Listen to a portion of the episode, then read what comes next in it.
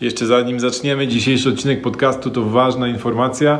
Obecnie trwa promocja na szkołę najmu, czyli taki program, w którym razem z Darkiem dzielimy się całą naszą wiedzą odnośnie inwestowania w nieruchomości na wynajem. To jest miejsce, w którym przechodzimy przez drogę, całą drogę od momentu zakupu nieruchomości, przez remont, y, przygotowanie y, mieszkania, znalezienie odpowiednich najemców, weryfikację tych najemców, a później zarządzanie najmem. Także jeżeli kiedykolwiek myślałaś lub myślałeś o dołączeniu do szkoły najmu, to teraz jest właściwy moment, bo cena z 1995 zł zmienia się po wpisaniu kodu Corpo Landlord 2020 na 499 zł, także ogromna obniżka ceny, 75%.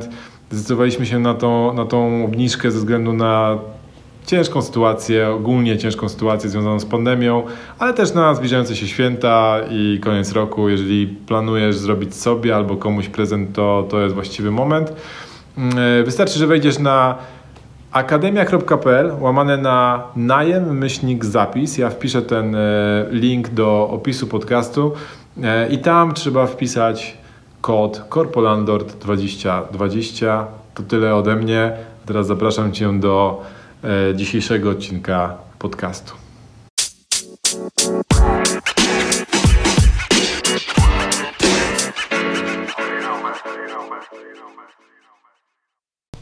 Cześć, witamy Was bardzo serdecznie w kolejnym odcinku podcastu Corpo Landlord. Ja nazywam się Paweł Kuryłowicz, jest ze mną Darek Matczak. Cześć.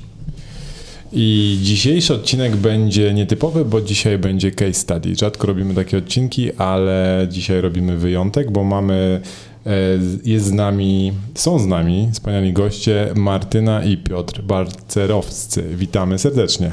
Cześć. Cześć, cześć.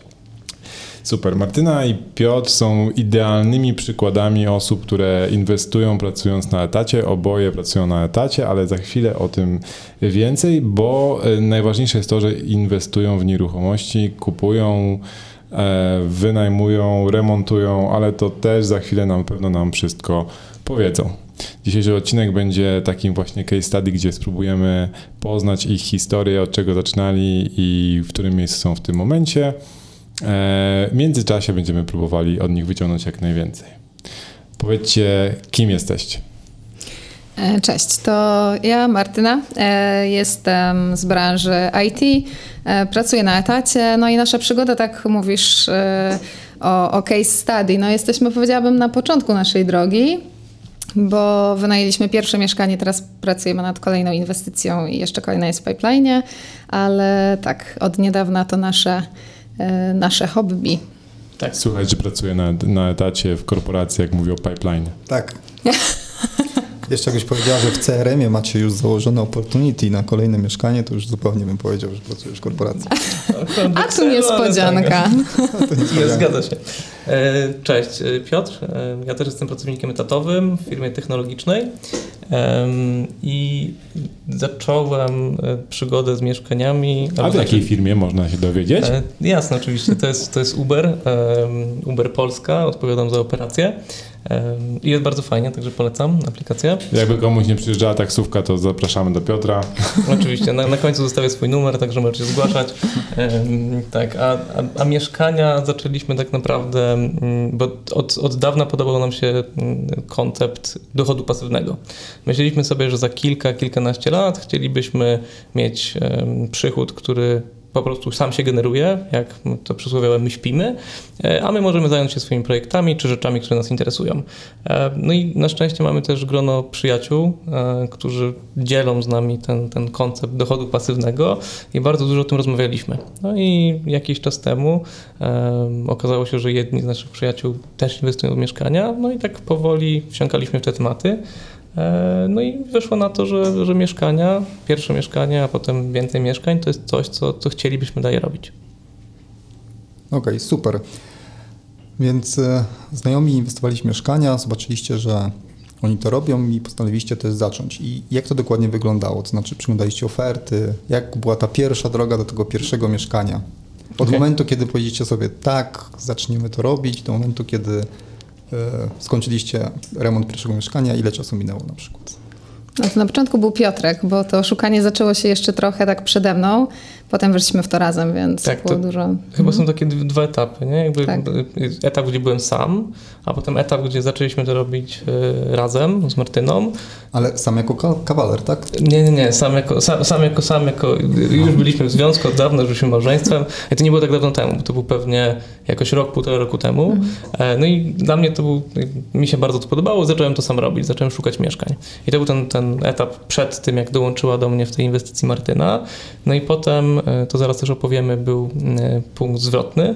No to, to był chyba początek tego drugiego etapu. Tak, Że wracaliśmy, wracaliśmy z Jechaliśmy. jakiegoś weekendu autem. Jechaliśmy E, tak, przyjechaliśmy i puściliśmy, i Piotrek właśnie puścił mi wasz podcast e, Corporal Lorda i pamiętam, że to był taki moment, kiedy po jakieś pół, po jednym odcinku chyba, e, już nawet nie pamiętam, który to był, e, tak uznałam, że słuchaj, kurczę, taką nasze mieszkanie, w sumie to mi się podoba, w sumie to zróbmy to razem. Na pewno historia Darka. W sumie, w sumie jak oni potrafią to zrobić, to my na pewno to zrobimy, Piotrek. No. Dokładnie, ale powiem wam, że, że naprawdę to fajnie zadziałało, bo właśnie jechaliśmy na weekend, pamiętam, e, puściłem wasz podcast. Martyna tak mówi, no okej, rzeczywiście fajne, no i tam zaczęliśmy o tym rozmawiać. Już te tematy się przy, jakby pojawiały w naszym towarzystwie, więc Martyna jakby nie startowała od zera, tylko już bardzo dużo wiedziała. No i siedzieliśmy sobie w tym naszym hotelu w tym weekendzie, no i nagle wyskoczył, albo chyba powiedzieliście o swojej szkole najmu, albo tam gdzieś u Mirka wyskoczyło szkoła najmu, kup. No i Martyna I powiedziała, że tak. Martyna jest właśnie, właśnie, właśnie takim, taką osobą, co jak, jak już coś, coś pomyśli, to od razu robi. A Jak już jak, w coś wejdzie, to się to na pewno zadzieje. I mówi, to dawaj, kupujemy. No i, i kupiliśmy wasz. Drodzy y, słuchacze płci męskiej, jeżeli macie problem z płcią przeciwną, y, chcielibyście zacząć inwestować w nieruchomości, wystarczy zabrać kogoś y, tą drugą połówkę na weekend i po drodze puścić Corporate Lorda. Tak to działa.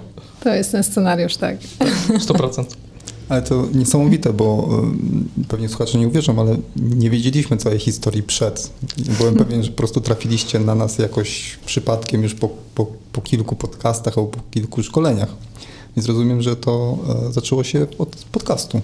Tak, dokładnie, dokładnie. Zaczęło się od podcastu, potem właśnie kupiliśmy tą szkołę najmu i to była taka szybka decyzja na zasadzie e, okej, jakby chcemy, ja lubię robić rzeczy szybko, więc e, szkoda mi było czasu na gromadzenie po prostu tej wiedzy e, gdzieś tam z różnych źródeł miesiącami, bo wiem, że w takim normalnym trybie życia i pracy to, to nie zadziałoby się tak szybko. No więc uznałam, że tak, że, że kupujemy to, to, to szkolenie i tak naprawdę też nie zrobiliśmy go całego od razu. W sensie robiliśmy, je- zjadaliśmy je kawałkami, tak, wtedy, kiedy nam było potrzeba, czyli faktycznie gdzieś tam te etapy, jak szukaliśmy mieszkania, jak, jak się uczyliśmy o tym, jak, e, jak w ogóle podejść do, w sensie no Piotrek do liczenia, tam Piotrek liczył od początku, ale dla, dla mnie to też było gdzieś tam budowanie takiej wiedzy trochę finansowej, e, takich różnych etapów, a potem po kolei, jak już mieliśmy to mieszkanie, na przykład przygotowaliśmy się do wynajmu, no to wtedy siadaliśmy z, z kawałkiem właśnie do wynajmu, jak się przygotować, jakie pytania zadawać i tak dalej. Więc tak do tej pory do tego wracamy. Tak, więc Idealnie, po prostu idealnie. też na przykład moje, moje no, z Martyny podejście, tak inaczej, jak Martyna dołączyła, to właśnie wszystko ładnie, szybko poszło. No ja miałem swoje podejście do, do, do inwestowania w nieruchomości. Tak jak wam, wam mówiliśmy, nasi przyjaciele też, nasza grupa przyjaciół też interesuje się tym tematem i też inwestują. E, Dwie czy trzy nawet pary. E, I sporo o tym rozmawialiśmy, na jakichś wyjazdach i tak dalej, i tak. Więc ja przed tym, jakby przed fazą, jak Martyna dołączyła do, do, do całego inwestowania, sam szukałem czegoś na własną rękę. No i rzeczywiście zbudowałem sobie jakiegoś półfajnego Excela, przeliczyłem e, i nawet zacząłem szukać nieruchomości. No i pewnie ta, ta faza przed tym, jak Martyna dołączyła, to trwała z 3 albo 4 miesiące, gdzie naprawdę oglądałem wiem, dziesiątki mieszkań i, i chodziłem na te spotkania i jakby no, i coś tam sprawdzałem. E, no, to była ta faza przed. Potem był wyjazd, kupiliśmy szkołę najmu i to jest ta faza po, gdzie już wszystko bardzo szybko poszło. E, Tak, no bo my tak naprawdę właśnie ten podcast, od którego się zaczęło, to było w styczniu, czyli jeszcze w tym roku, na koniec stycznia. E, I w marcu e, Znaleźliśmy mieszkanie. Znaleźliśmy mieszkanie, tak. No tylko właśnie ten etap jakby szukania zaczął się dużo wcześniej, więc nie było tak, że, że obejrzeliśmy trzy mieszkania i kupiliśmy. No dobrze, to my w szkole najmu mówimy o tym, że warto jest y, przejść w swojej głowie taką ścieżkę, jaka strategia będzie dla nas najbardziej optymalna, w zależności od tego, w którym miejscu życia, mm, którym miejscu waszych finansów jesteście i co chcecie osiągnąć. Jaką ścieżkę wy wybraliście? Jeżeli możecie się z nami podzielić. Znaczy mi się wydaje, że my jesteśmy takim e, klasycznym przypadkiem, bo my nie jesteśmy inwestorami jakby tak od początku. W sensie my kupiliśmy mieszkanie najpierw dla siebie, poczuliśmy się dosyć komfortowo, uznaliśmy, że okej, okay, to moment, w którym można zacząć inwestować, no i jakby wtedy się zaczęło. Więc, e, więc nie jesteśmy takim e, skrajnym przypadkiem jakby inwestora od, od początku i z krwi i kości, o tak. E... A takich mamy w naszym towarzystwie. Właśnie nasi przyjaciele, których będę nawiązywał pewnie dużo razy, tak. bo, bo też byli naszą inspiracją mm. i też nam dużo pomogli, byli też naszymi takimi mentorami w tym, tym pierwszym, e, w pierwszym, nawet drugim mieszkaniu. No to, to, to wszystko się składało. Tak, tak. No wsiąkaliśmy po prostu w to tak e, też, też trochę w Tak, no i jaką ścieżkę wybraliście, zapytaliście? No to ja, ja, widzę dwie ścieżki, nie? Czyli jedna to jest obrona swojego kapitału, który już zbudowałem i po prostu chcę mieć mieszkania, żeby obronić swój kapitał, żeby nie, zwiada, nie, nie zadała go inflacja i przy okazji coś zarobić. No i ten drugi model to jakby chcę zbudować jak najszybciej swój kapitał. No i my jesteśmy akurat tym, tym, tym drugim przypadkiem, czyli my inwestujemy po to, żeby mieć duży cash flow, jak najwięcej pieniędzy miesiąc do miesiąca, zbudować kapitał i kupować kolejne inwestycje. E, no i gdzieś tam mamy w swoim planie, jakby mamy poziom kosztów, który chcielibyśmy, żeby się pokrywał z tego cash flow, no i pewnie wtedy trochę zmienimy swoją strategię może na, na, na bardziej obronę kapitału. Czyli trochę zgodziliście się na to, żeby część swojego czasu poświęcić na takie więcej operacji związanych z nieruchomościami na rzecz więcej, większego przychodu. I to co wybraliście, jakby co, co, czego szukaliście, żeby, mm, żeby zwiększyć ten, ten swój cashflow, tak? Mhm. Czy, to, czy to było e, wynajem krótkoterminowy, wynajem na pokoje, nie wiem, mikrokawalerki, co wybraliście?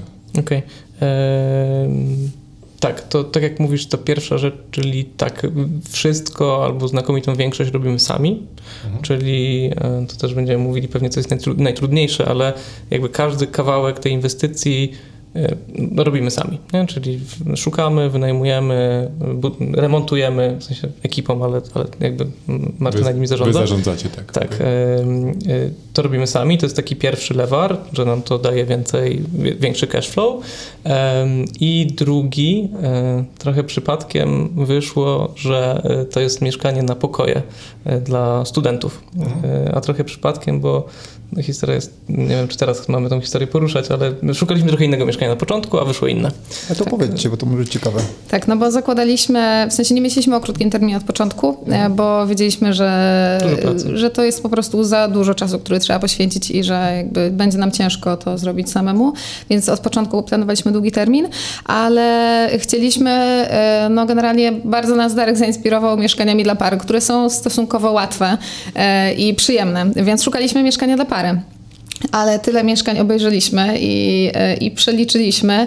E, no i nie spinało się to tak, jak sobie, jak sobie to wyobrażaliśmy, e, więc tak naprawdę w pewnym momencie właśnie oglądając te mieszkania trafiło się mieszkanie, które było w bardzo okazyjnej cenie. Byliśmy pierwszymi osobami, które je w ogóle po prostu oglądały. No ale było to mieszkanie stricte pod studentów. No i uznaliśmy, że no okej, okay, no to zrobimy mieszkanie pod studentów. To tylko pytanie, znaczy dwie rzeczy. Rozumiem, że inwestujecie w Warszawie. Tak. To jest pierwsza rzecz, a druga, oj, zapomniałem. E, lokalizacja, gdzie, jakie? Mm, Jezu, zapomniałem. Demencja. Demencja. Starcza już. To już, to już ten czas, Darku. E, a, to... wiem co. Ile mieszkań mniej więcej zobaczyliście? Fuh, e, od, no, licząc tą fazą przed tym, jak dołączyła Martyna, to myślę, że jak przeglądać ofert, to dla mnie to jest taki lejek. E, czyli przeglądałem tych ofert setki na początku, potem Martyna dołączyła pewnie kolejne I setki. razem przeglądaliśmy setki. Razem przeglądaliśmy, potem mieliśmy shortlistę w Trello, e, nie wiem, tam było chyba 30-40 mieszkań. Do wszystkich dzwoniliśmy, do wszystkich rozmawialiśmy wstępnie co za mieszkanie, dlaczego ktoś sprzedaje itd., tak itd. Tak no i pewnie odwiedziliśmy 20 tak, tak myślę, tak odwiedziliśmy, odwiedziliśmy. Tylko znowu liczę ten, to było na przestrzeni chyba czterech miesięcy, no bo to jeszcze przed, w tamtym roku, no i w tym roku, dopóki tego naszego nie znaleźliśmy. I jak pozyskowaliście ogłoszenia? To znaczy przyglądaliście po prostu Gratkę, Gumtree, czy używaliście jakichś programów też specjalistycznych? Y, przez platformy, czyli Platformy. mamy tam te kilka platform, tam Gratka, Gumtree, Otodom. Ale e, też jakieś takie adresowo, niszowe tak. właśnie. I, I- te niszowe są ciekawe. Tak, i po prostu w, jak w tym takim mocnym przeszukiwaniu, no to pewnie każdy, z- ka, każdy z nas poświęcało z godzinę dziennie i po prostu przechodziliśmy przez te, przez te ogłoszenia. E, A Tak. te, te niszowe, możecie podać jakąś e, E, platformę? Właśnie, no pierwsze mieszkanie znaleźliśmy na Autodomie chyba, bo to mi wpadło to ogłoszenie, a ja miałam tam powiadomienia, pamiętam, więc po prostu przeglądałam systematycznie maile, a drugie było Tak. z jakiejś takiej ciekawej... Tak, drugie to wydaje mi się, że adresowo, to jest e, w ogóle jakoś przypadkiem trafiłem na to, to, to jest taka, tak, takie dla mnie niszowe trochę. Em, gratka to też ciekawe, bo tam jest dużo nieuporządkowanych rzeczy, ale tam się zdarzają takie bardzo dziwne mieszkania. I dla mnie dziwne mieszkanie to jest na przykład zdjęcie bloku i napisane fajne rozkładowe mieszkanie w dobrej lokalizacji. No i to są najciekawsze, I- w sensie są- jak widzę takie ogłoszenie, to już zawsze, To bardzo zadzwonić. zawsze myślę, że to może być to. Ja swoje pierwsze mieszkanie znalazłem na Gumtree i też było chyba dwa zdjęcia, które nic nie mówiły i tyle. Ale chyba opowiadam o tym też w szkole najmu, że im gorsze Tak. ogłoszenie, często tym ciekawsze mieszkanie. Ja też pamiętam, m, jedna z moich lepszych inwestycji to było po prostu zdjęcie okna. I, i tylko tyle. Tak. Więcej tam nie było. I okna wypaczonego, żeby jeszcze nie było. Tak, tak. E, To, to, ale, ale głównie naszą mm, jakby miejscem, w którym szukaliśmy, to były te platformy. E, Myśleliśmy o tym, żeby może zgłosić się do jakiegoś sorcera albo pośrednika. No tutaj Nawet kilku takich było gdzieś tam po drodze, ale nic Tak. z tego nie wychodziło Tak, no ciekawego. Te też, oferty no- były bardzo mierne. Tak, no i znowu też jakby bazując na doświadczeniach naszych przyjaciół, którzy też właśnie mają mieszkania na pokoje, no to jak rozmawialiśmy, też mówili, że no, to też próbowali kilka razy z jakimiś pośrednikami przed nich znalezi- znalezionymi i to nie, nie wypalało raczej, no? więc nastawiliśmy się, że po prostu musimy, przynajmniej w naszej głowie jest tak, że musimy to zro- zrobić sami, przynajmniej ten pierwszy parę razy. Ja też nigdy nie udało mi się kupić nic przez pośrednika. E, Raz przez przypadek, ale to nie dla mnie, tylko dla kogoś. Ale rzeczywiście no, jest taka zasada, że wiecie, no, pośrednicy idą po najprostszej drodze, tak? Bo oni szukają kogoś, kto zakocha się w danym miejscu i koniec, tak? Im nie zależy na tym, żeby szukać tobie okazji, którą, którą jak sobie policzysz, jak sobie policzysz, to, to wychodzi, że super się opłaca, tak? No dla nich najważniejsze jest to, żeby po prostu popchnąć dalej mieszkanie i ta dodatkowa robota, którą mieliby wykonać, żeby szukać akurat dla was czegoś, to nigdy im się nie opłaca.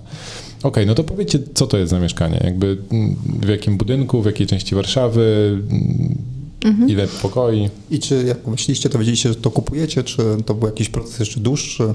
Może coś z negocjacji? może jak, jeszcze- jak, jak była ta historia Jasne, to, to może Mar- Mar- Marti, zanim opowiesz, to jeszcze tylko jakby mm, historia przed, e, czyli a propos tego zwrotu, bo dla, my sobie gdzieś tam założyliśmy, że ten zwrot, jakby idealnie było mieć 10% ROI z mieszkania, no ale już po pierwszych e, Excelach tak. e, okazało się, że chyba nie jest to możliwe będąc jakby pierwszakami na rynku i jakby szukając takich nie okazji, tylko po prostu ofert, które są na rynku. No też Wa- Warszawa jakby no, nie ułatwia sprawy, nie oszukujmy się. Plus też kredytowanie, bo jednak inne oferty są za gotówkę, które często łatwo można je kupić szybko, a kredytując się ten proces się wydłuża, no to też te oferty są ograniczone. Nie? Tak, no bo my jesteśmy jakby inwestorem kredytowym. Tak, my jakby tak. nie kupujemy mieszkań za gotówkę, tylko kredytujemy. Em, I więc te 10% to było takie marzenie, ale okazało się bardzo szybko, że nieosiągalne. Em, Potem mm, zaczęliśmy liczyć, jakie mogą być zwroty i właśnie szukaliśmy tych mieszkań dla pary. Okazało się, że 5%, przynajmniej na, na naszych założeniach i na tym, co widzieliśmy na rynku, ciężko było zrobić. No i to było takie 5%, to było takie trochę poniżej naszych oczekiwań. No więc po prostu zbudowaliśmy Excela i szukaliśmy. No i wtedy nagle e, Martyna, to ona akurat znalazła to pierwsze mieszkanie, e, mówi, kurczę, jest bardzo fajne mieszkanie, tylko ono jest trochę inne niż szukamy, bo ono jest tam 50 metrów, no i wygląda na to, że jest na pokoje. No i naj, najciekawsze było to, że jak wstukałem je do Excela, nagle wyszło 8%. I ja było takie, wow, to jednak może być na mieszkaniu więcej niż 5, więcej niż 6, a to jest 8. No i to jest ten, ten background story, jakby skąd to mieszkanie. Tak, tak, bo u nas właśnie to liczenie było od samego początku. W sensie Piotrek jest, e, jest od liczenia mieszkań, ma swojego rozbudowanego Excela i każde mieszkanie przechodzi przez sito najpierw, zanim w ogóle się wybierzemy, jakby je oglądać, czy w ogóle... W sensie, no nie, no często jakby jedziemy wcześniej, jeśli są jakieś zdjęcia, jeśli nie ma zdjęć, no to jedziemy zobaczyć, co tam czeka. Tak, no i to mieszkanie faktycznie było zupełnie, zupełnie nie tym, czego szukaliśmy, ale miało bardzo ciekawą cenę, więc, więc tak jak pamiętam, że właśnie pojechałam, byłam pierwszą osobą, która je oglądała, więc i zdecydowaliśmy się tak naprawdę na to mieszkanie e, półtorej godziny później, kiedy drugi klient je oglądał, bo był tam, była kolejka, e, ale już wydzwanialiśmy panią, żeby nam je zarezerwowała. E, no i to było łatwe mieszkanie, bo mieszkanie naprzeciwko uczelni. E, stricte pod pokoje. Po drugiej stronie uczelni, naprzeciwko. uniwersytetu, bo to jest Mokotów, Uniwersytetu Warszawskiego.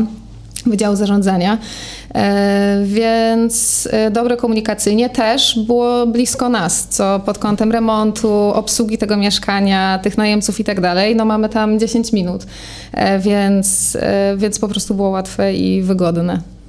Tak, to, znaczy to jest w ogóle aspekt, na który ludzie nie patrzą.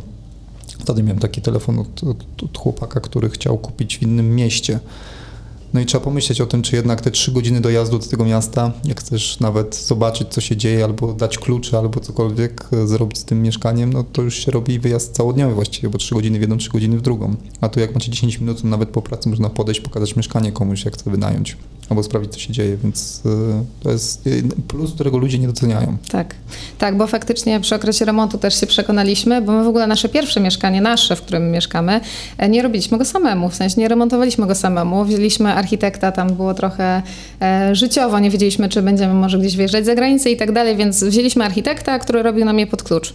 Więc my tak naprawdę na tym mieszkaniu uczyliśmy się remontować mieszkanie. E, co też było wygodne, bo jak się nie remontuje, nie, remontuje go dla siebie, to jest się bardziej skłonnym do gdzieś tam pomyłek, bo to aż tak nie zaboli. E, tak, ale, ale faktycznie no, w czasie remontu, gdzieś tam po pracy wieczorami, no to bardzo często tam bywaliśmy, więc, więc ta odległość była super. No i e, musieliśmy trochę to mieszkanie przerobić. E, widzieliśmy jakby w nim potencjał. Okazało się, co jest bardzo ciekawą historią, że właśnie nasi przyjaciele mają identycznie taki sam układ mieszkania e, w innej lokalizacji. Więc tak naprawdę to nam potwierdziło, e, bo myśleliśmy, że zrobimy z tego mieszkania. To było mieszkanie trzypokojowe z osobną kuchnią, z osobną łazienką i osobną toaletą. Więc takie komfortowe i wygodne, jako że są dwie toalety e, na pokoje. 54 metry i trzy pokoje? Tak, były 4, trzy pokoje. 47 metrów. 47. 47 metrów? Tak, tak, były trzy pokoje. No ale jak się A okazało. 8. Ale tak, jak się okazało, e, no właśnie gdyby nie to mieszkanie przyjaciół, ja bym się nie zdecydowała na podział tego mieszkania na jeszcze jeden dodatkowy pokój, na wydzielenie dodatkowego pokoju. E, I tak naprawdę dopiero gdy pojechaliśmy i zobaczyliśmy, bo oni w tym czasie kończyli je remontować i weszłam do tych pokoi, przeszłam się i, i uznałam, że kurczę, jakby nie jest źle. Tak naprawdę no, wszystko jest, wszystko czego potrzeba. No i wtedy się przekonałam i wtedy uznaliśmy, że, e, że, że dzielimy i, i robimy faktycznie, wydzieliliśmy jeszcze jeden pokój, także mamy trzy mikropokoje e, i jeden duży z osobną właśnie kuchnią i, i dwie łazienki. Także dwie toalety, i, tak. znaczy łazienka z toaletą i osobna toaleta. Tak. Można. Można. Bardzo ładnie. Ale, ale to był wyjątkowy układ mieszkania. Mhm. E, więc szukając takich mieszkań na pokoje, jest bardzo ciężko znaleźć takie, żeby faktycznie było tyle okien i. No tak, ale wy, wy wykonaliście mnóstwo pracy, tak? Bo obejrzeliście przez internet ileś tam set ogłoszeń, później oglądaliście około 20, jak powiedzieliście, mieszkań, później nabraliście trochę doświadczenia to, co, tego, co wam się podoba, czy co wam się nie podoba i później byliście w stanie podjąć decyzję półtorej godziny na podstawie tego doświadczenia całego, tak? tak. Najczęściej ludzie robią kompletnie inaczej, tak? Oglądają cztery mieszkania, jedno wybierają i później narzekają, że a, bo to się nie spina. Bo jeszcze nigdy tego nie wrzucili do Excela, bo wydawało się, bo za metr to wychodziło dość tanio, tak? Bo dycha za metr, wiesz Paweł, to jest tanio teraz, to jest tanio. Tak trzeba kupować. Jest bardzo tanio. Nie, ale to, to tak, to na pewno, to, to, to doświadczenie nam dużo dało takiego pewności, takiego okej, okay, wie, wiemy co szukamy, wiemy na co patrzymy, ale jedna też bardzo ważna rzecz i myślę, że to było, może nie, znaczy też trochę decydujące, że właśnie nasi przyjaciele mieli podobne mieszkanie. Mhm. I wtedy my z nimi wcześniej rozmawialiśmy, ale to był bardzo prosty telefon, mówię, Przemo, potrzebuję twojej rady, czy dałbyś radę ze mną do tego mieszkania podjechać, czy dałbyś radę do tego mieszkania podjechać i zobaczyć, czy to ma sens. No i tak właśnie podjechał ze mną e, do tego mieszkania, powiedział, no okej, okay, jakby na moje oko to wygląda ok, z mojego doświadczenia to jest ok, no więc rekomendacja ode mnie, to mieszkanie jest, jest ok. Czy to mieszkanie się wam mieściło w budżecie, który na początku zakładaliście? Tak. Bo na początku, z tego co zrozumiałem, chcieliście mniejsze mieszkania. Tak, ale mm, jak patrzyliśmy na mieszkanie dla pary, to patrzyliśmy też na zasadzie od 30 paru metrów wzwyż. Mhm. No i teraz to mieszkanie my kupiliśmy je dość yy, okaz znaczy okazyjnie, no, no koszt poniżej 9 tysięcy, to było Mhm. 8,5 za metr, Mhm. no więc y, to też była dobra cena mieszkania, więc jakby to ten budżet się spinał. Mhm. A jak myślisz, czemu kupiliście je okazyjnie? Jakby, czy znacie historię, która była za tym? Oczywiście, oczywiście, zmotywowany sprzedawca. Tutaj Idealnie. Idealnie. Nie, znaczy tutaj akurat to było mieszkanie spadkowe e, i to, była, to, to byli starsi panowie bracia, którzy jakby dostali to w spadku, poczekali aż nie będą musieli płacić, e, chyba poczekali, tak, poczekali kilka lat, żeby nie musieli płacić tego e, podatku. Pięć lat bodajże, tak? Pięć lat, tak. Tam to, było, to nie była taka prosta sytuacja, ale tak, poczekali, no i postanowili w końcu to mieszkanie sprzedać. E, No i trochę nam, myślę, że to trochę nasz był fart, no ale fart na bazie naszych czterech miesięcy poszukiwań, no że akurat no Martyna wpadła na to, na to, na to ogłoszenie, było blisko, więc akurat miała, nie miała coli w pracy, więc wyrwała się na te 10 minut, obejrzała mieszkanie, no i Tak, no więc to była po prostu pani pośrednik, która dostała, wiecie, klienta pierwszego, który ogląda mieszkanie, który za półtorej godziny dzwoni i prosi o rezerwację. No w takiej sytuacji często pośrednikom no też nie chce się, nie chce się tych mieszkań inwestować czasu i pokazywać dziesięciu kolejnym osobom. Oczywiście. No, mówię ci Paweł, kluczowe w nieruchomościach jest żona. Dobra żona. Dobra żona znajdzie mieszkanie, remont, wszystko ogarnie. Pozdrowienia dla mojej żony. Darek, ja rozmawiałem z Ewą, ona od półtora roku ani jednego odcinka już nie przesłuchała, bo ma nas dosyć, nie? Nie, przesłuchała. Ostatni. No dobrze, to co się dzieje w tym momencie z tym mieszkaniem? Bo rozumiem, że wyremontowaliście je, podzieliliście na cztery pokoje. Ale to może historia jeszcze remontu, no bo robiliście to po raz pierwszy jakby tak docelowo. I ja- jak było z tym remontem? Po prostu wzięliście ekipę, jak, jakiej szukaliście? Bo ludzie też, wiecie, pytają się nas, no dobra, no jak znaleźć tą ekipę? No, Paweł ma tak terminy, że ciężko z nim oczywiście, natomiast jak, jak poszukać na przykład takiej ekipy? Braliście z platformy, czy jakiejś, czy, czy poznajomych? Mhm. Siła rekomendacji tutaj. Ja tak, ja, ja pewnie jeszcze o tym będziemy rozmawiali, ale dla mnie rekomendacje są bardzo powerful i e, no tutaj złożyło się, że znowu ci nasi przyjaciele mieli akurat ekipę, która robiła im to mieszkanie. No i od słowa do słowa okazało się, że ta ekipa jest wolna. To znaczy też przy mieszkaniu kredytowanym to nie jest tak, że my je kupujemy i może je od razu startujemy z remontem, nie? Jakby cały proces kredytowy i to wszystko chwilę trwało, więc akurat udało się to tak e, ustawić, że za te tam 2-3 miesiące, kiedy planowaliśmy zacząć remont, udało się To pytanie techniczne. Podpisaliście um, umowę wstępną notariusza? Rezerwacyjną? Tak. Tak. Okej, To był, to był u nas, i nawet rozmawialiśmy na live naszym jednym. A, no tak. E, Tak. tak, bo właśnie ta umowa przedstępna nam trochę wyłożyła, znaczy opóźniła mieszkanie Tak. o, o, o COVID. Bo historia jest też taka, że w marcu to mieszkanie mieliśmy podpisywać, dokładnie dzień przed Mhm. lockdownem. Przyszliśmy na to podpisanie u notariusza, no i tam przy czytaniu, jakby to są, to byli starsi panowie, przy czytaniu wyszła jakaś wzmianka typu i tam notariusz musi to Podatkowa, przeczytać i tak. pouczam, że może jakby tego mieszkania doty- dotyczyć podatek od spadków, no i panowie już wtedy trochę No, wystraszyli się ale- bardzo i się wycofali się wycofali. w trakcie E. podpisywania umowy przedwstępnej. Tak, no i, I A następnego dnia zaczynał się lockdown, więc e, urzędy skarbowe, z którym chcieli tą sprawę wyjaśnić, e, no, nie funkcjonowały.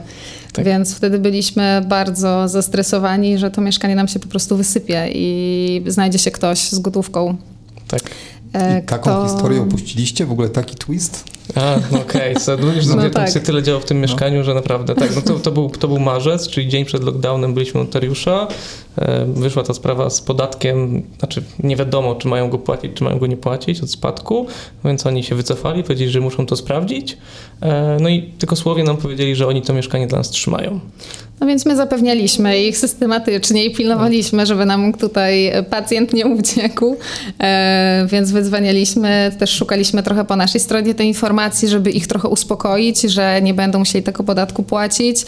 E, no i udało się na szczęście, że tak, że ich utrzymaliśmy, nie zniknęli, nie znaleźli nikogo, gdzieś tam po drodze nie szukali. Tak.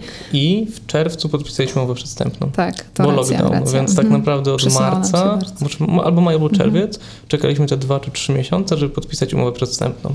Ale to znowu, wiecie co, to już historia, która się powtarza któryś raz, że oczywiście ludzie, którzy sprzedają mieszkania zwykle myślą o tym, że sprzedać je jak najdrożej, ale często przy takich sprawach spadkowych, gdzie jakby no, ta kasa po prostu ci wpływa, to ludzie chcą, chcą też sprzedać ludziom, którzy są dla nich mili, którzy chcą z nimi współpracować. Jak taka miła przecież młoda para, no to komu sprzedamy? Temu brzydolowi Pawłowi? No nie, tej miłej parze, prawda? I, i, I jakby widzę takie historie, które się powtarzają, że jeżeli zainwestujesz w to, to bardzo często po tej drugiej stronie też jest człowiek, który po prostu mówi, no nie, no, no może dostanę te 5 tysięcy więcej od kogoś, ale kurde, oni już tu zadzwonili, już to wszystko jest ustawione i tak dalej, i tak dalej. A tylko e, wyjaśniając live, to jest takie spotkanie właściwie comiesięczne, które mamy z uczestnikami szko- szkoły najmu, gdzie można się wydzwonić, zadać pytania. Jak wiemy, to odpowiemy, jak nie wiemy, to staramy się dowiedzieć albo nie odpowiemy. Prawda, Pawle? Tak. Ale przynajmniej powiemy wprost, że nie wiemy.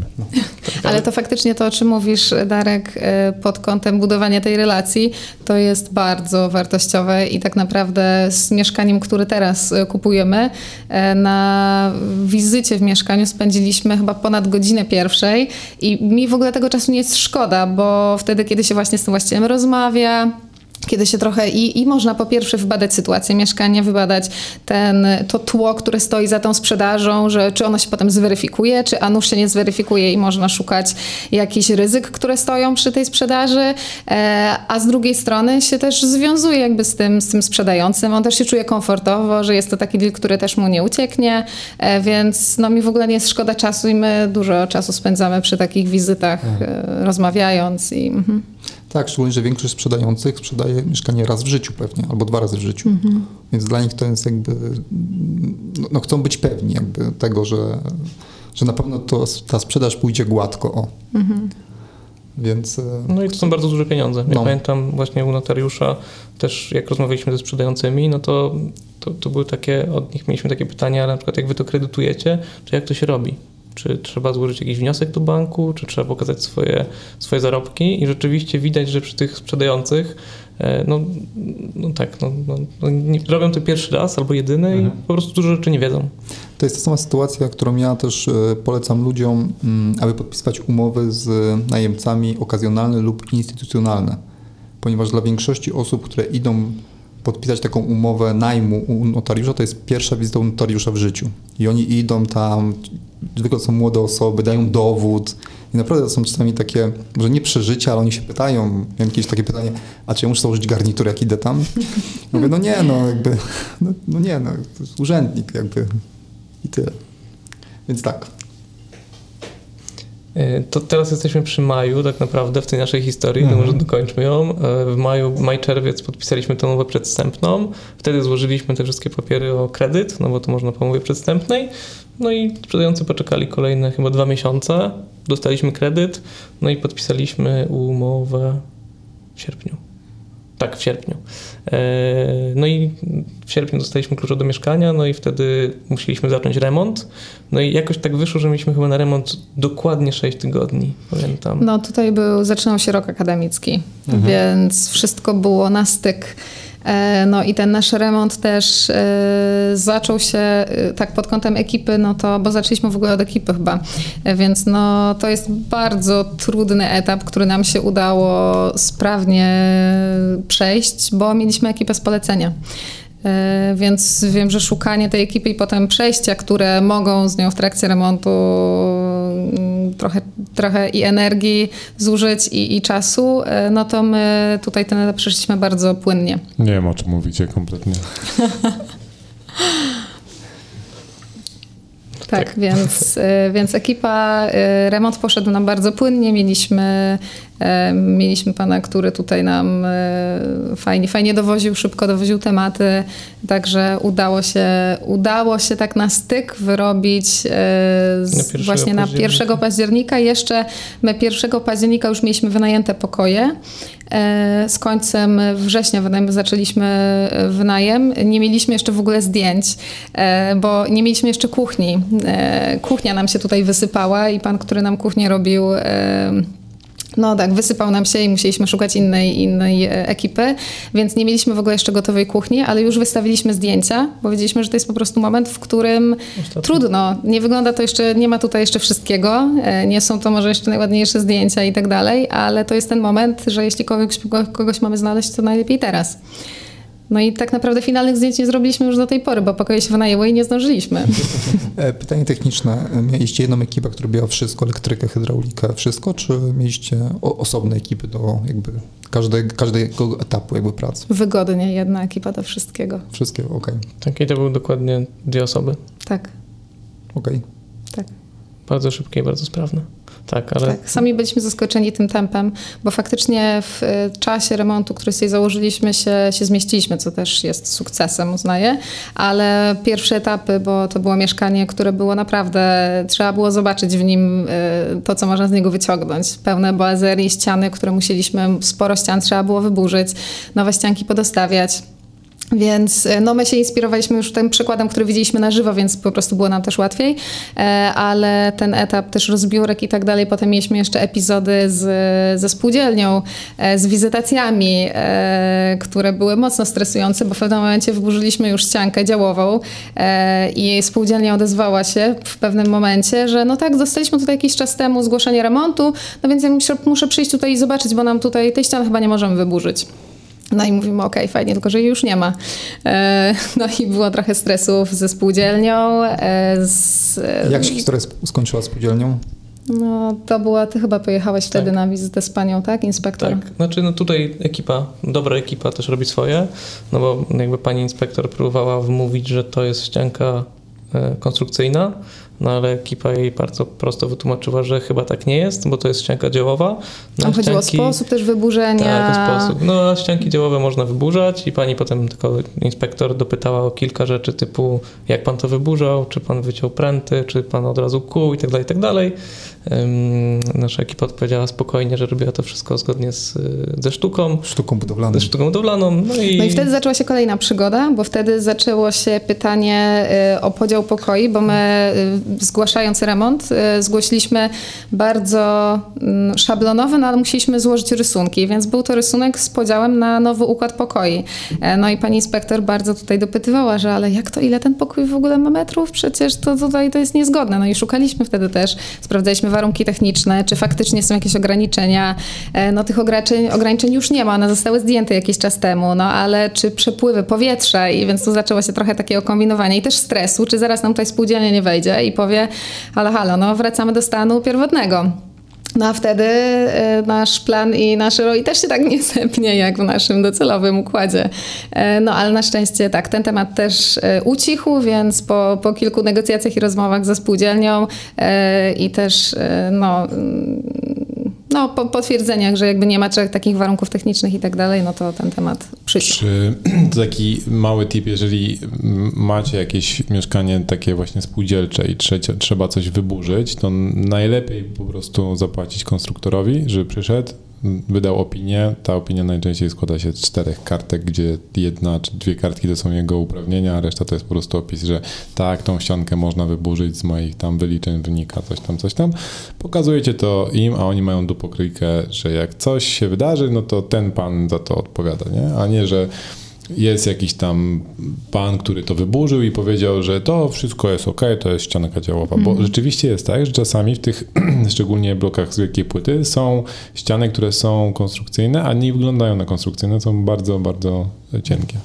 Ale konstruktor to, to od razu wy, wyłapie i jak wyda taką opinię, to kosztuje kilkaset złotych, 200-300 zł. Macie dokument, Wszyscy śpią spokojnie. Pani z, ze spółdzielni może pokazać swojemu przełożonemu, że proszę, tutaj oni robią wszystko zgodnie z planem. Jest ten.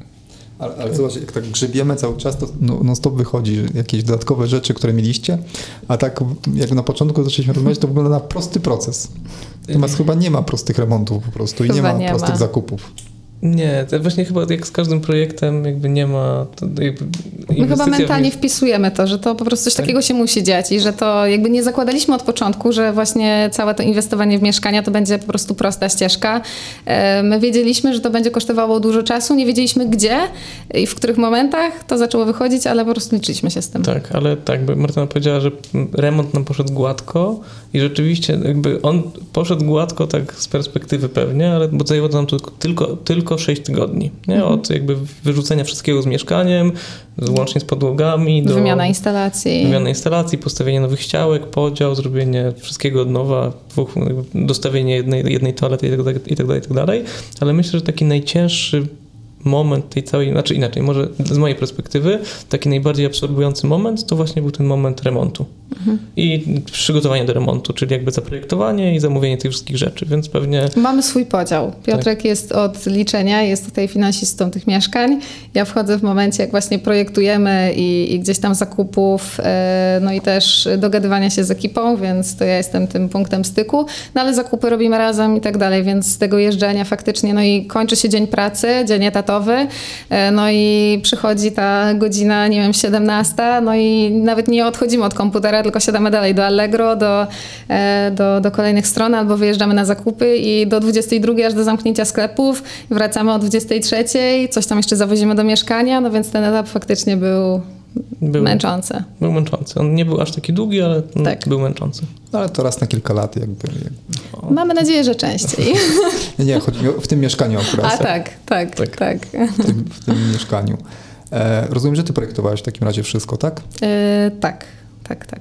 tak. Więc inspiracja e, moja i dla mnie takie źródło wiedzy pod kątem e, poszukiwań rozwiązań i tak dalej, to jest Pinterest i to po prostu jest zagłębie pomysłów na wykończenie.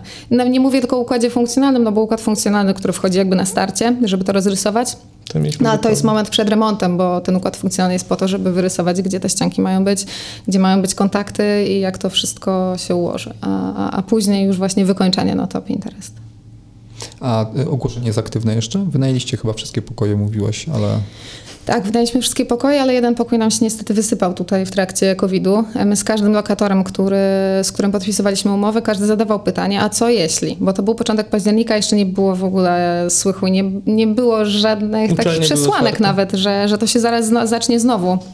Ale każdy zadawał to pytanie i z każdym rozmawialiśmy otwarcie, że słuchajcie, no podpisujemy umowę na czas określony, więc jakby to, to, jest, to jest nasze zobowiązanie z dwóch stron e, i każdy się na to godził. I mamy w ogóle bardzo fajną teraz ekipę, mamy cztery pokoje, mamy trzy dziewczyny w tym momencie w mieszkaniu, z którymi też mamy super relacje i, i to też jest ze szkolenia. Ile jest ten pokój? Poczekaj.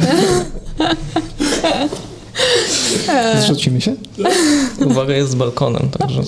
O, tak jest, tak jest. O, balkonem, słyszysz? Balkonem.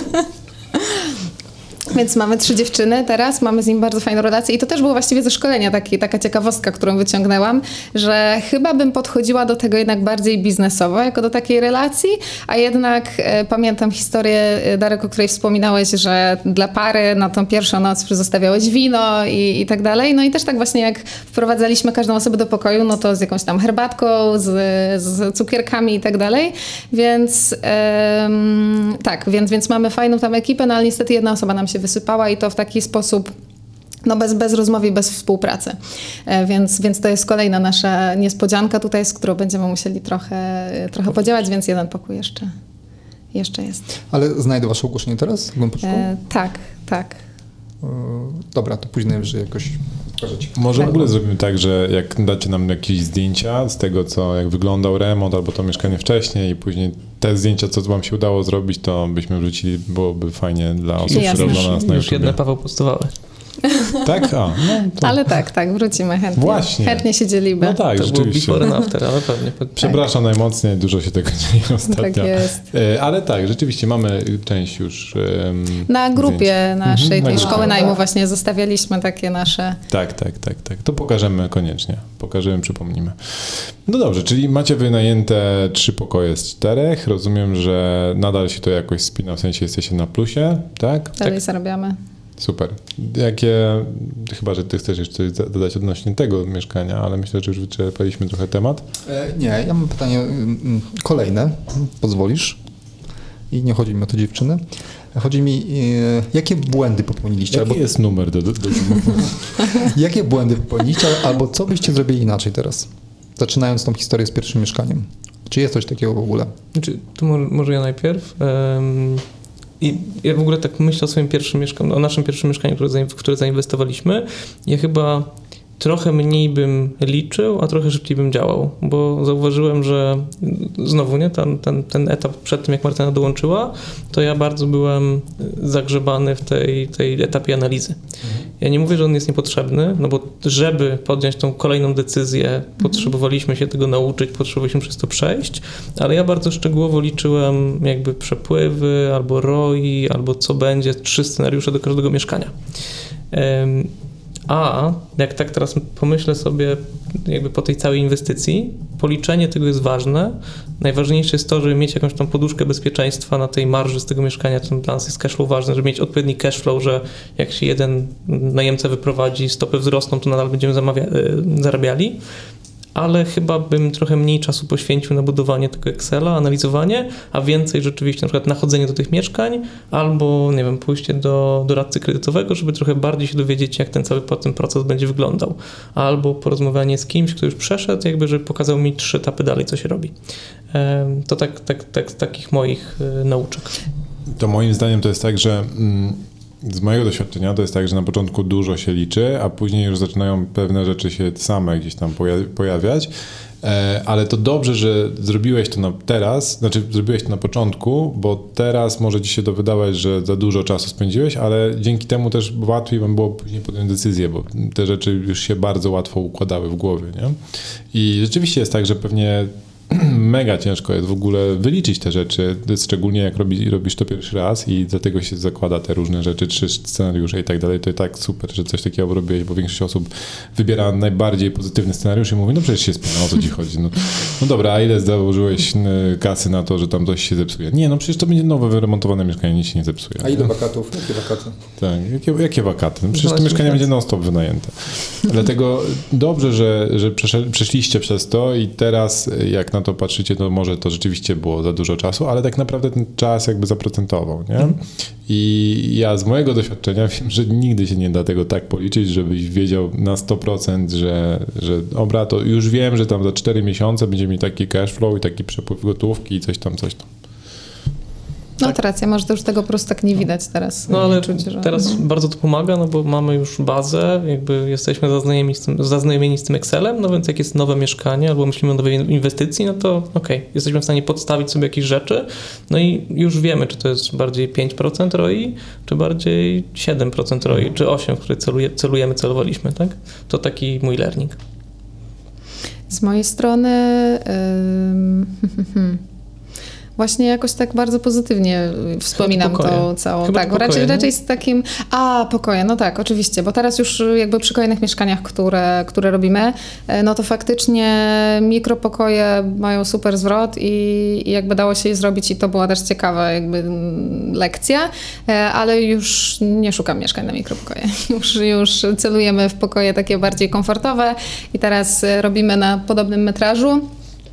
48 metrów teraz. Tak, no już nie 4, tylko 3 pokoje i to takie wygodne, więc y, już z tej drogi schodzimy. Ja też to zauważyłem. W kwietniu wynajmowałem po raz pierwszy mieszkanie, które mieliśmy w podnajmie, czy mamy w podnajmie, które ma tylko dwa pokoje, ale te dwa pokoje są ogromne, tam mają po 13-14 metrów mhm. kwadratowych. Ogromne jak na wynajem na pokoje. Tak, tak.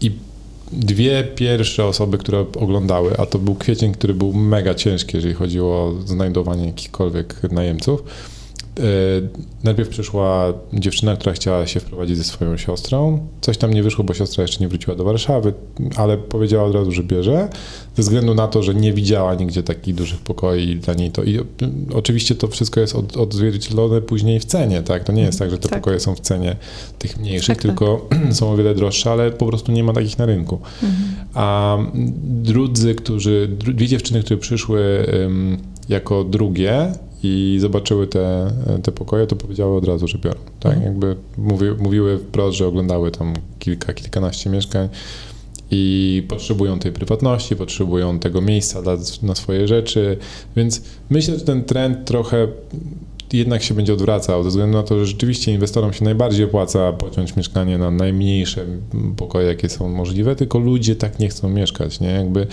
fajnie jest tak pomieszkać miesiąc, może dwa, jak y, pierwszy raz się jest w Warszawie i ktoś potrzebuje czegokolwiek, żeby się zaczepić i żeby to było jak najtańsze, ale w momencie, kiedy już człowiek zaczyna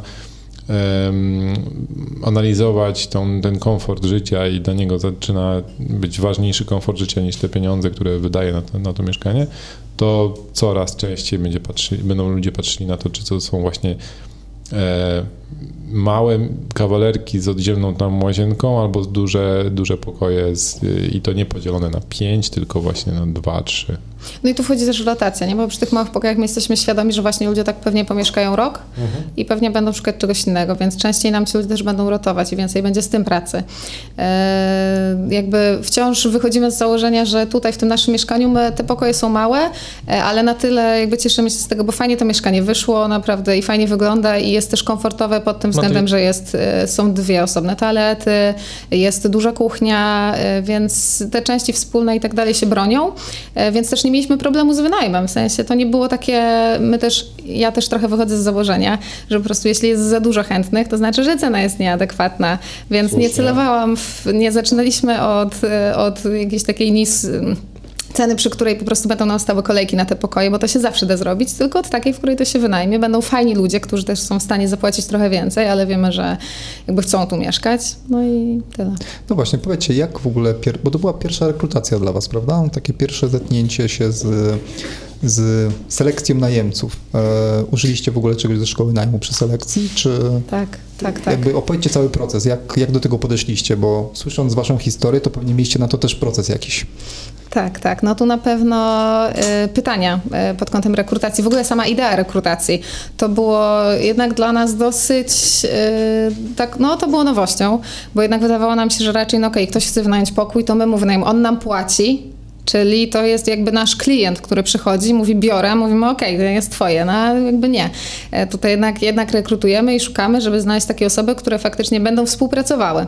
E, więc pytania, które wzięliśmy ze szkoły najmu pod kątem no nie wiem, nie będziemy chyba wszystkich zdradzać tak teraz, ale... Możecie swoje ulubione zdradzić spokojnie. E, no nie, na pewno kontakt też z rodzicami, bo jako, jako że to byli studenci, to żeby się zabezpieczyć, e, to dwie umowy mam podpisane z rodzicami, nie z samymi studentami, którzy są tutaj na początku jakby swojej takiej samodzielnej drogi życiowej. E, no ale też kontakty z rodzicami, na przykład jeden kolega, który właśnie no, niestety nam się tutaj wysypał, no to jego ojciec miał chyba pierwszy raz taką rozmowę kiedy zadzwonił do niego właściciel mieszkania, jakiegoś pokoju i dostał pytanie na zasadzie, czy mógłby mi pan kilka słów o swoim synie opowiedzieć. No i było to myślę dla niego taką... A on nie wynajmujcie mu, nie wynajmujcie mu. tak, no więc ta rekrutacja. Już ja mam tylko córkę. tak, więc, yy, więc chcieliśmy się czuć pewnie po prostu wynajmując tym osobom, że my wiemy, kim oni są, że wiemy, co robimy, ale to też ciekawe, przy wynajmie pokoi dalej pomaga, bo jeśli zgłaszały się kolejne osoby i my wiedzieliśmy, byliśmy w stanie dwa słowa powiedzieć o danej osobie, no też czuły się bardziej komfortowo, że jeśli to jest mieszkanie, w którym są cztery różne osoby, to one też wiedzą już na starcie, kim one są, co one robią, że to są studenci takiej nie takiej uczelni, że są w takim wieku. E, I też jest łatwiej, jeśli e, nawet osoby doceniały często już przez telefon, e, że my przez telefon też tą rekrutację na początku tak nie było, bo na początku to właśnie szybciej się spotykaliśmy w mieszkaniu i zaczęłam tego żałować szybko, bo było trochę takich wyjazdów niepotrzebnych. Typowe. Tak, tak. To to bym zmieniła. Jakby to zmieniłam, dosyć szybko zaiterowałam, ale na początku jeździłam szybciej do mieszkania, a potem zaczęły się dłuższe rozmowy przez telefon. I, I, dla tych osób często też to było coś nowego, że jakby takie rzeczy przez telefon, jakby każdy od razu mówił, ok, jest wolne, e, tak jest wolne, to, to ja bym chciała obejrzeć. Ja mówię, dobra, dobra, ale chwila, chwila, to tutaj czy mógłbyś mi kilka słów powiedzieć? E, no i dla nich też to była nowość, ale finalnie na końcu rozmowy też doceniały, jak właśnie ja też opowiadałam ze swojej strony, że w tym mieszkaniu tak i tak wygląda sytuacja takie są osoby, e, no i że jakby rozumiem, że to może być też dla ciebie coś nowego i, e, i może niekomfortowego, że o takie jeszcze teraz pytam, ale jakby jest to dla nas ważne, żeby w mieszkaniu była po prostu fajna ekipa. No i ona też doceniała właśnie, że no okej, okay, jakby to w sumie, w sumie fajnie, też mi się to podoba, że, że o to dbacie. Super. Super, to jeszcze jedno pytanie tego mieszkania, już skończymy to mieszkanie, mam nadzieję. E, powiedzcie mi, bo powiedzieliście, że jedna osoba się wysypała, ale jak generalnie oceniacie teraz wpływ tej pandemii na taki wynajem na pokoje z waszej perspektywy? Bo te trzy osoby, które zostały, one się uczą zdalnie, czy... Tak, znaczy one się wszystkie. Jedna pracuje, jedna uczy się zdalnie, a trzecia wydaje mi się, że jednak się uczy tutaj. Trochę jeździ. Bo to jest jakieś studium. To nie jest jakby, to nie są studia, tylko studium, więc chyba jakby pojawia się w Warszawie. Ja pamiętam jeszcze z, kiedyś z mojej. y, W nieruchomościach y, słyszałem, że są najważniejsze dwie rzeczy. Jedna to jest lokalizacja, a drugie, żeby ta nieruchom- nieruchomość się czymś wyróżniła. I na przykład ja myślę, że to mieszkanie nasze się obroniło i w takiej cenie tym, że jest po prostu ładne. Bo to nie są pokoje z biurkiem, no, znaczy, no okej, one są, to jest pokój z biurkiem, łóżkiem pomalowany na biało, ale tam jest jakiś smaczek jeszcze. No i Martyna tak ładnie zaprojektowała to mieszkanie, że mamy jakiś kolor w kuchni, mamy jakieś fajniejsze meble z Ikei w kuchni, tu jak są jakieś dodatki, w które w mieszkaniu zostawiliśmy. Więc y, wpływ pandemii, no na pewno mieliśmy dużo mniej, w sensie mniej niż się spodziewaliśmy osób chętnych i oglądających, ale wydaje mi się, że jak już ktoś to znalazł i powiedzmy zdecydował się mentalnie na tą wysoką cenę, to sama atrakcyjność mieszkania go przekonała. Nie? Bo w kuchni mamy mywarkę, mamy pralko suszarkę w łazience, mamy dwie, dwie toalety, no więc coś innego jest niż taki Ale też zmieściliśmy się w naszym założonym budżecie, więc Tak. bardzo dużo czasu o, wesz, y, poszło na szukanie takich tanich rozwiązań, które są ładne. E, No też przekonamy się, na ile będą długotrwałe, bo, no bo, bo robiąc gdzieś tam budżetowy w miarę remont, e, to tego jesteśmy najbardziej ciekawi, ile to wszystko Czyli znowu bardzo ważna nieruchomość jak żona, która Tak, ładnie no, jest- opakuje tą Tak, nieruchomość. tak, tak, naprawdę. W sensie estetyka mieszkania i w ogóle sam zamysł, jakieś dodatki. No jak właśnie rozmawialiśmy, to, to ja bym nie zrobił tego tak jak Martyna, nie? W sensie moje mieszkanie to by było białe, może jedna ściana by była w jakimś innym kolorze i to tyle by było z A dodatków. tak czasami wystarczą po prostu kwiatki, kolorowe półki, jakieś takie rzeczy, które są naprawdę niedrogie i, i, i Pinterest, i inspiracja, bo ja też nie biorę tego, nie jestem aż tak kreatywna, żeby brać to wszystko z głowy, raczej się inspiruję. No jakbym ja projektował mieszkania moje, to myślę, że tam nikt by nie mieszkał. Albo tak naprawdę zatwardziali kawalerowie, tylko tak naprawdę. Wyglądałyby troszeczkę lepiej niż moja piwnica. Okej. em, Możecie się podzielić, ile mniej więcej zostaje Wam na czysto z takiego mieszkania, biorąc pod uwagę, że byście mieli wynajęte wszystkie pokoje? Mhm. To jest powyżej 1000 zł Mhm. i to jest taki bezpieczny Do mikrofonu. piszę. Tak, sorry. I to jest taki bezpieczny, y, dla, dla nas to był taki bezpieczny cash flow, który nam pozwala jeszcze by wyjść na czysto, zarabiać na mieszkaniu, jak się jedna osoba wyprowadzi. Mhm. No właśnie ten pokój to jest około 950 zł z opłatami. E, I drugie to jest nasza taka obrona przed y, pustostanem i przed wyższymi stopami procentowymi. A ile zainwestowaliście własnego kapitału? Nie mówię o E, kredytu, o kredycie. Powyżej 100 tysięcy to jest y, pewnie koło, pewnie koło 120 tysięcy. nie? Okej. Bo ta inwestycja to jest y, koło pół miliona. No i trzeba liczyć te 20%, 20-30% wkładu własnego. Mhm. Czyli zainwestowaliście własnych pieniędzy 100 tysięcy i zostaje Wam około 12 tysięcy rocznie w momencie, kiedy byście mieli non-stop wszystko wynajęte. Mhm. Mm, Czyli macie jakieś 12% takiego zwrotu z własnego kapitału, więc to bardzo ładnie. Mm. Okej, musiałbym do swojego Excela zajrzeć, ale No, jak pewnie ostatnio tam jeszcze tak. coś wejdzie, jakieś inne koszty i tak dalej, pewnie dojdzie Tak, do, tak, tak. do około 10. No tak, ale generalnie jak tak liczyłem sobie na, na, na, na takich, że mamy pustostan jednak miesiąc albo coś trzeba będzie wyremontować, w sensie Jasne. jakieś 100 zł, Mhm. to tam wychodzi około 8%. No tak, to jest taki- wiadomo. No, na szybko, tak. Tak, tak, Licze, tak. Liczenie na szybko, oczywiście trzeba to dobrze policzyć. Super, gratuluję, gratuluję bardzo y, dobrej roboty, no bo jak, y, jak słyszę, że ktoś kupił mieszkanie i wyremontował je w 6 tygodni i je wynajął, to jest naprawdę kawał dobrej roboty. Widać, że mnóstwo czasu, energii i, y, i, i pracy was to kosztowało, ale też słychać efekty. Jakie są wasze pla- plany teraz na przyszłość, To tak jak jeżeli chodzi o nieruchomości? Tak, to, to tak jak Martyna mówiła, mamy pipeline, em, czyli już mamy jedno mieszkanie, które jest wynajęte, e, i teraz będziemy im po prostu nimi zarządzali. Mhm. Drugie mieszkanie, jak teraz rozmawiamy, to, to banki podejmują decyzje kredytowe w stosunku do nas, Mhm. więc już podpisaliśmy umowę przedwstępną, e, no już szykujemy się do remontu, Mhm. lada chwila będziemy projektowali. I to jest ten sam metraż, tylko właśnie trzy pokoje, o których mówiliśmy. Ale też Mokotów, te okolice, czy... E, Ochota tym razem, Ochota. ale też to jest 15-13 minut od nas. E, No i tym razem to y, medyczne. Tak, i, teraz, i to jest 7 Uniwersytet. minut na pierwsze od Uniwersytetu Medycznego. E, No i tak się trochę uśmiechnąłem, bo ja cały czas będę nawiązywał do naszych przyjaciół z tym mieszkaniem. E, Niekoordynowane, ale okazało się, że mają też jedno mieszkanie na wynajem w tym samym bloku. E, Więc... Świat e, jest małe. Tak, świat jest bardzo No mały. i właściwie to mieszkanie, które teraz e, kupujemy, jest trochę w zastępstwie, bo planowaliśmy kolejną inwestycję w Łodzi. Eee, I tak planujemy jest. cały czas. I planujemy cały czas, tylko ona się niestety opóźniła, więc... A wy z Łodzi jesteście? Nie. Nie. Nie, nie, Ale ale niedaleko. okolice, bo okolice Bełchatowa. Łodzi. Bełchatów. Był No tak. tak. Tak. Tak. E, No i generalnie to, to właśnie to trzecie mieszkanie to jest Łódź i e, znowu z tymi przyjaciółmi też robimy, oni też kupują w tej samej inwestycji jedno mieszkanie.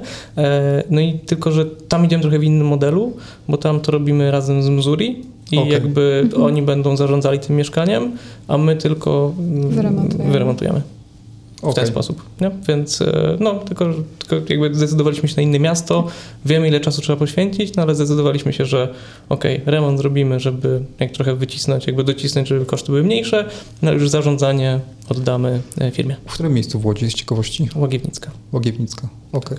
A tam Zuri chyba remontuje też coś, swoją kamienicę. To jest, To jest właśnie ta kamienica. O, Okej. Tak, Dobra, to tak. wiem, w którym.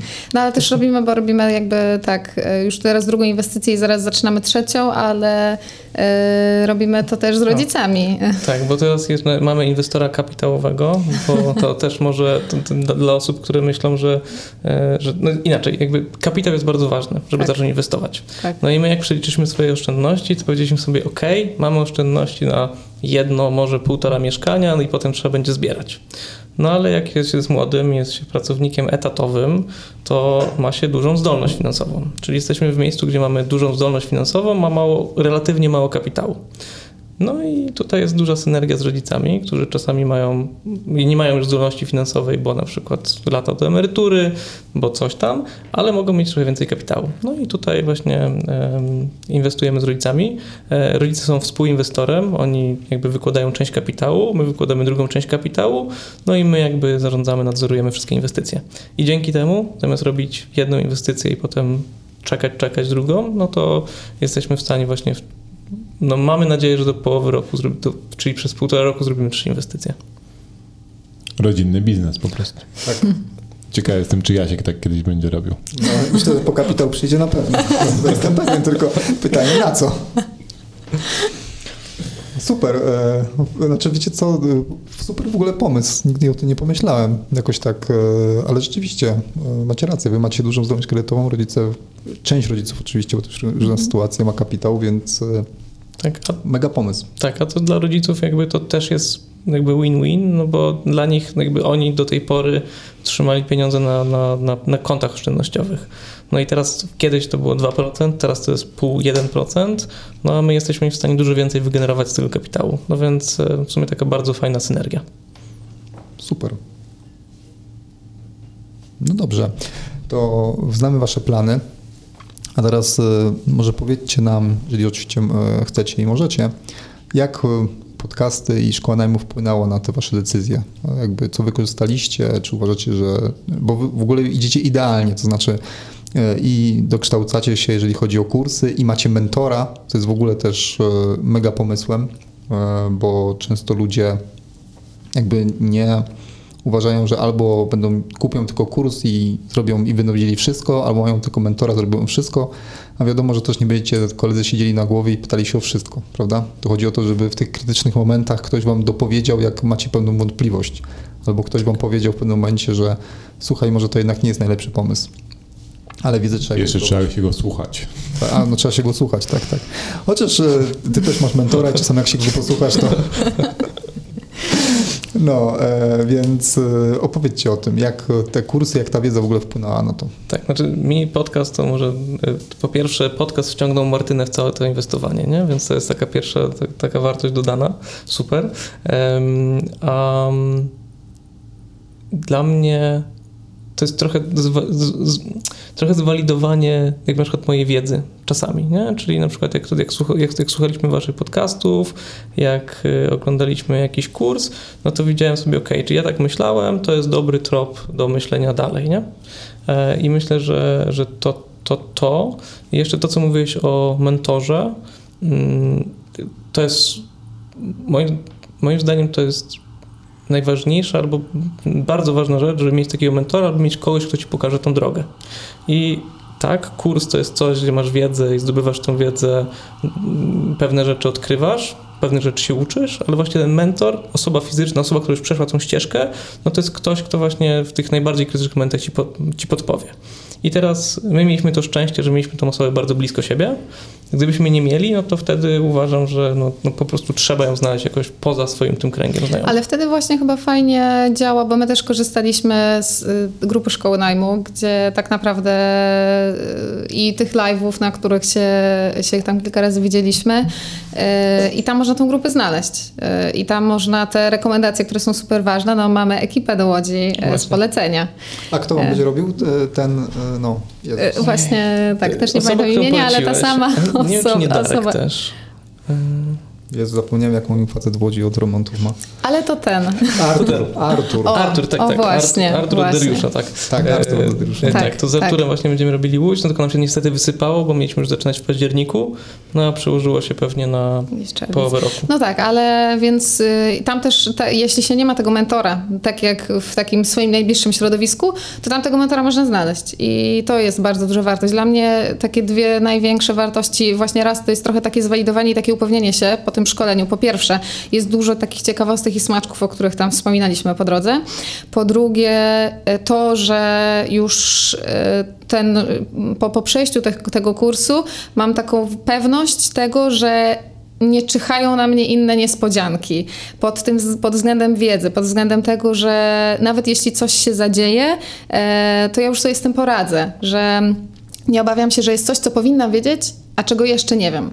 E, więc to daje taką pewność siebie po prostu w, w tym, żeby iść dalej.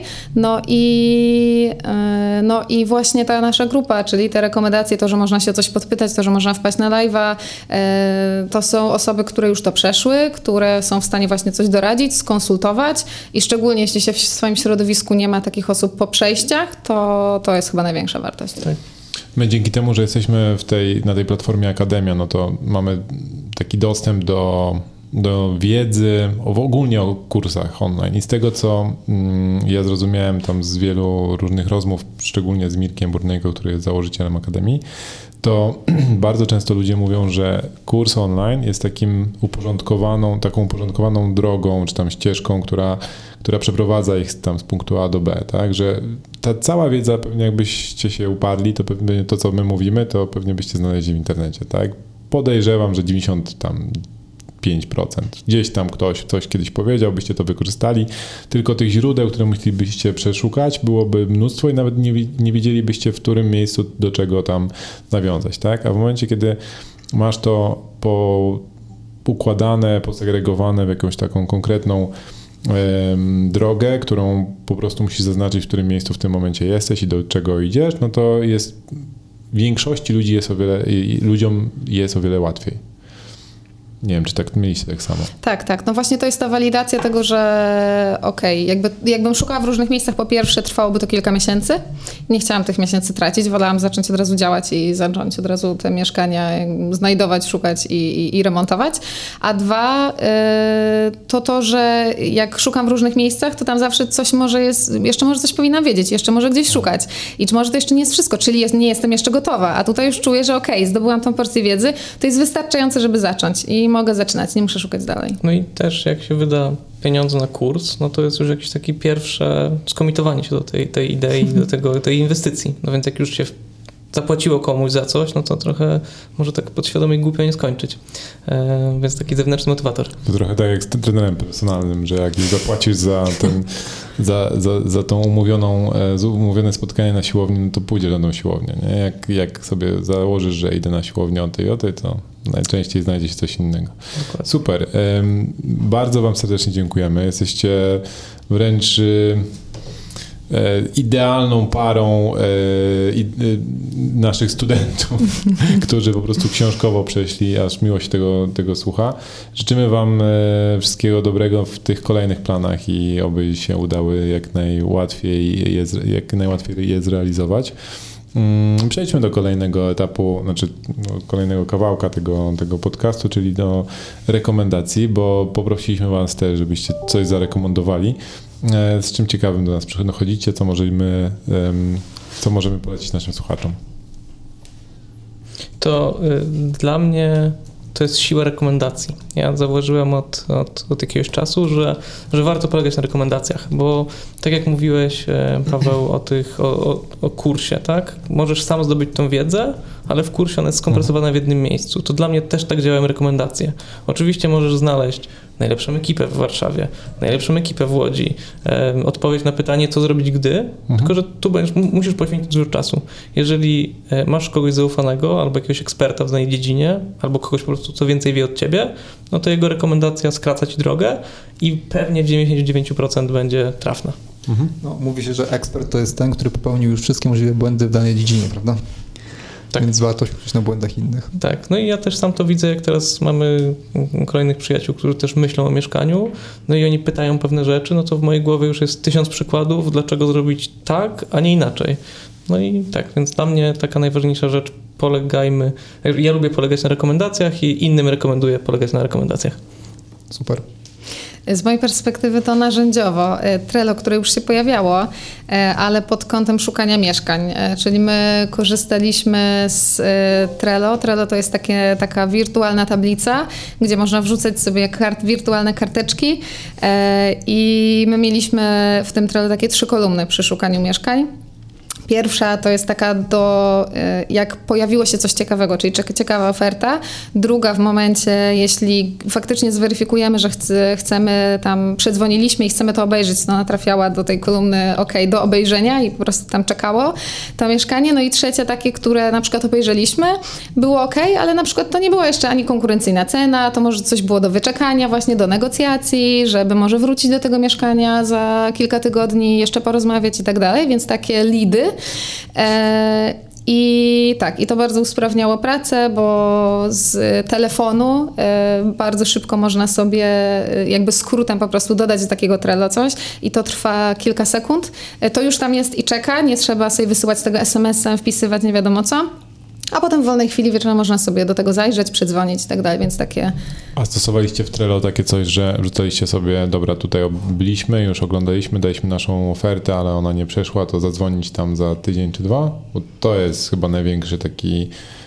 Um, ta funkcjonalność, która pomaga w pamiętaniu o tym, żeby wrócić do tego, do tego lidu i jeszcze sprawdzić, bo nawet nie zdajemy sobie sprawy, ile nieruchomości na początku właściciele myślą, że to się sprzeda w ciągu tam nie, miesiąca, bo jest tak dużo zainteresowanych, później ci zainteresowani gdzieś tam przepadają. Ta nieruchomość przepada na ogłoszeniach, bo wpada gdzieś tam w czeluście, tak, już nie jest na samym, na samym przodzie. I dopiero po dwóch miesiącach jak zadzwonimy do tego człowieka, to się okazuje, że jednak ta nieruchomość się nie sprzedała i jednak on jest w stanie zaakceptować tą niższą cenę niż wcześniej. Nie? Także Co do usprawnienia, musimy sobie dodać. To, to, to wiem, że najbardziej efektywne osoby, które, które szukają mieszkań, wrzucają sobie właśnie taką kolumnę do sprawdzenia. Nie? Mhm. Żeby, ok, w tym momencie ta osoba nie zaakceptowała mojej oferty, ale co będzie za dwa miesiące, jeżeli to się nie sprzeda. I nawet rozmawiałem z kimś ze szkoły najmu, który tak kupił mieszkanie, bo odezwał się właśnie po dwóch miesiącach i na początku ta, ta jego oferta była w ogóle nie do zaakceptowania, bo przecież przychodzi dużo, dużo zainteresowanych osób, a po dwóch miesiącach nagle się okazało, że no, no tak, w sumie to mogę się zgodzić, bo nikt inny nie dał lepszej. Nie? Tak, tak. No tak, Trello jest e, wyjątkowo pod tym kątem dużo da się tam mhm. zrobić, to musimy sobie wdrożyć. Super. Ja też mam narzędzie, tylko tym razem fizyczne. Jaki? Nawet pokażę na YouTubie. Kupiłem sobie taką e, skrzyneczkę w Leroy Merlin, ale pewnie są podobne w, w każdej w każdym hipermarkecie budowlanym. Co to jest? To jest, to jest skrzyneczka, która zawiera mnóstwo narzędzi w jednym miejscu. I ta ma chyba, nie wiem, z 200 różnych. Czekaj, pokażę tutaj. może nie zepsuje setupu naszego całego. E, ta skrzyneczka, o dziękuję Martyna, pomóż mi. Tutaj ma, prawie wypadło. ma chyba ze 150 elementów i jest mnóstwo narzędzi i wiecie, ja mam w tym momencie cztery ekipy remontowe. Mamy narzędzi pewnie za kilkadziesiąt tysięcy złotych albo i więcej, a ja nie mogę nigdy znaleźć jakiegoś narzędzia, bo oni wiedzą, gdzie mają swoje narzędzia, ale ja nigdy nie wiem, jak znaleźć te narzędzia, bo albo są na jakiejś budowie, albo coś tam. I dla osób, które y, coś tam potrzebują czasami pomajsterkować, w domu nawet, już nie mówię o tym, że przy mieszkaniach na wynajem, to taka skrzyneczka załatwia ci 99% e, sytuacji, gdzie trzeba coś skręcić, coś podkręcić, coś załatwić, coś puknąć młotkiem i tak dalej, i tak dalej. I co najfajniejsze w tym, to ja znalazłem jakby to funkcjonalność, która mi bardzo odpowiada, to to, że masz te narzędzia poukładane w jednym miejscu jak kończysz pracę, to wystarczy, że spojrzysz na tą skrzyneczkę i sprawdzasz, czy te wszystkie narzędzia znowu tutaj są, bo bardzo często było tak, że zostawiałem po prostu w jakimś miejscu, a tutaj tam wiesz, śrubokręt, a tutaj jakiś klucz i później się okazuje, że idziesz na, po pół roku znowu chcesz użyć tych narzędzi i się okazuje, że tego narzędzia już tam nie ma. Także to jest wydatek jakieś 250 zł i tak pewnie wychodzi o wiele taniej niż jakbym miał sam skompletować te narzędzia. Wszystko mam w jednym miejscu. Te narzędzia nie są jakieś super jakości. To nie są narzędzia, które przetrwają setki lat, ale przy tej częstotliwości, których ja je będę na, na, na jak, przy tej częstotliwości, której ja je będę używał, to jeszcze moje dzieci będą się tym bawiły. Także polecam wszystkim e, taki zestaw wrzucić nawet do samochodu, niech sobie jeździ e, raz na jakiś czas, coś się na pewno przyda e, i ja zawsze miałem problem z tym, jakby które narzędzia kupić. Tutaj, tutaj jest taki zestaw, że większość narzędzi spokojnie większość, inaczej, większość problemów nam spokojnie e, rozwiąże. To już ten wiek, że narzędzia zbierasz. No. Przypomnieć Ci, kto jest starszy? Ja nie powiem o narzędziach. Ja powiem o, um, o menadżerze haseł. To znaczy, um, pomimo tego, że pracuję w IT, to hasła dzielę się na jakby dwa zbiory. Jeden taki gdzie są mało ważne, czyli trzymałem je w przeglądarce, a drugi bardziej ważny miałem tam zaszyfrowany plik jakby lokalny, który służył do przechowywania ich. Natomiast pierwsza sprawa, ostatnio mi przeglądarka powiedziała, że 35 moich haseł zostało tam przechwyconych. No fakt, że są hasła, które nic jakby nie znaczą niemalże. No ale zawsze. A druga, e, człowiek, którym pracuję, który wiele lat zajmuje się bezpieczeństwem, powiedział, że chyba na głowę upadłem, skoro tak zajmuję się swoimi hasłami i chronię swoją jakby no, osobowość cyfrową w ten sposób. Więc e, kupiłem po prostu program do przetrzymywania haseł menadżera Trukia, to jest McAfee'ego. I powiem Wam, że to jest naprawdę fa fajna rzecz, fajnie działa. Na wszystkich komputerach hasła mi się już tam, on podpowiada hasła takie trudne, jakby zarządza tym wszystkim. Jest jedno tylko oczywiście master hasło, które tym zarządza i naprawdę ułatwia życie. Także polecam. Truki. Fajna sprawa. No dobrze, i tym optymistycznym akcentem kończymy ten odcinek podcastu. E, Martyna, Piotrze, bardzo dziękujemy za przybycie do naszego podcastu. Zachęcamy e, do kolejnych inwestycji. Dziękujemy, że. Znaczy, dla nas super sprawa, że to, co stworzyliśmy, Wam pomogło i macie tego namacalne efekty. E, I życzymy Wam wszystkiego dobrego w przyszłych inwestycjach. Zbliża się nowy rok, więc to mogą być życzenia już na nowy rok. Super. Dzięki, Dzięki wielkie. Dzięki za zaproszenie. Dzięki serdeczne. dziękujemy. I do usłyszenia wkrótce.